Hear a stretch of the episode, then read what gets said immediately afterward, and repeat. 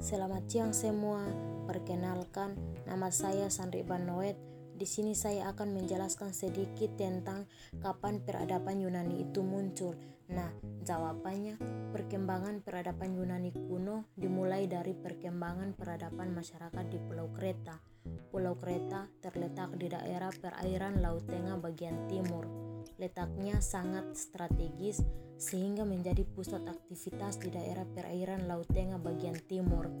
Pulau Kreta merupakan daerah penghubung antara daerah-daerah pusat perdagangan di Pulau Sicilia, Mesir, Pantai Levant, Bizantium, dan Yunani.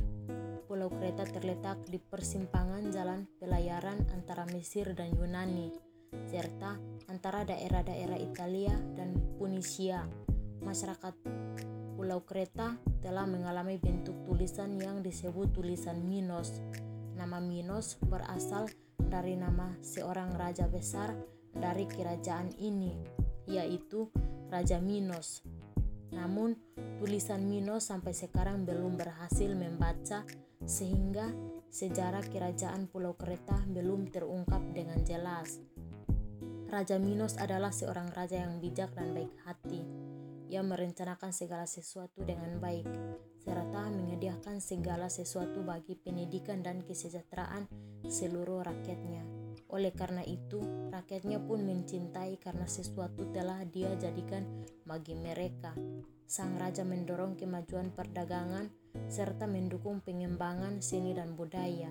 Sang raja mendorong kemajuan perdagangan serta mendukung pengembangan seni dan budaya.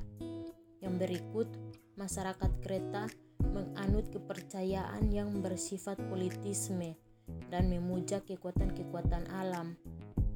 Dewa tidak berfungsi sebagai pencipta malapetaka, tetapi sebagian pelindung dan pemberi berkah. Pada abad ke-15 sebelum Masehi, kerajaan Pulau Kreta mengalami keruntuhan karena mundurnya peradaban, perdagangan dan lepasnya daerah-daerah kolonial akibat bencana alam.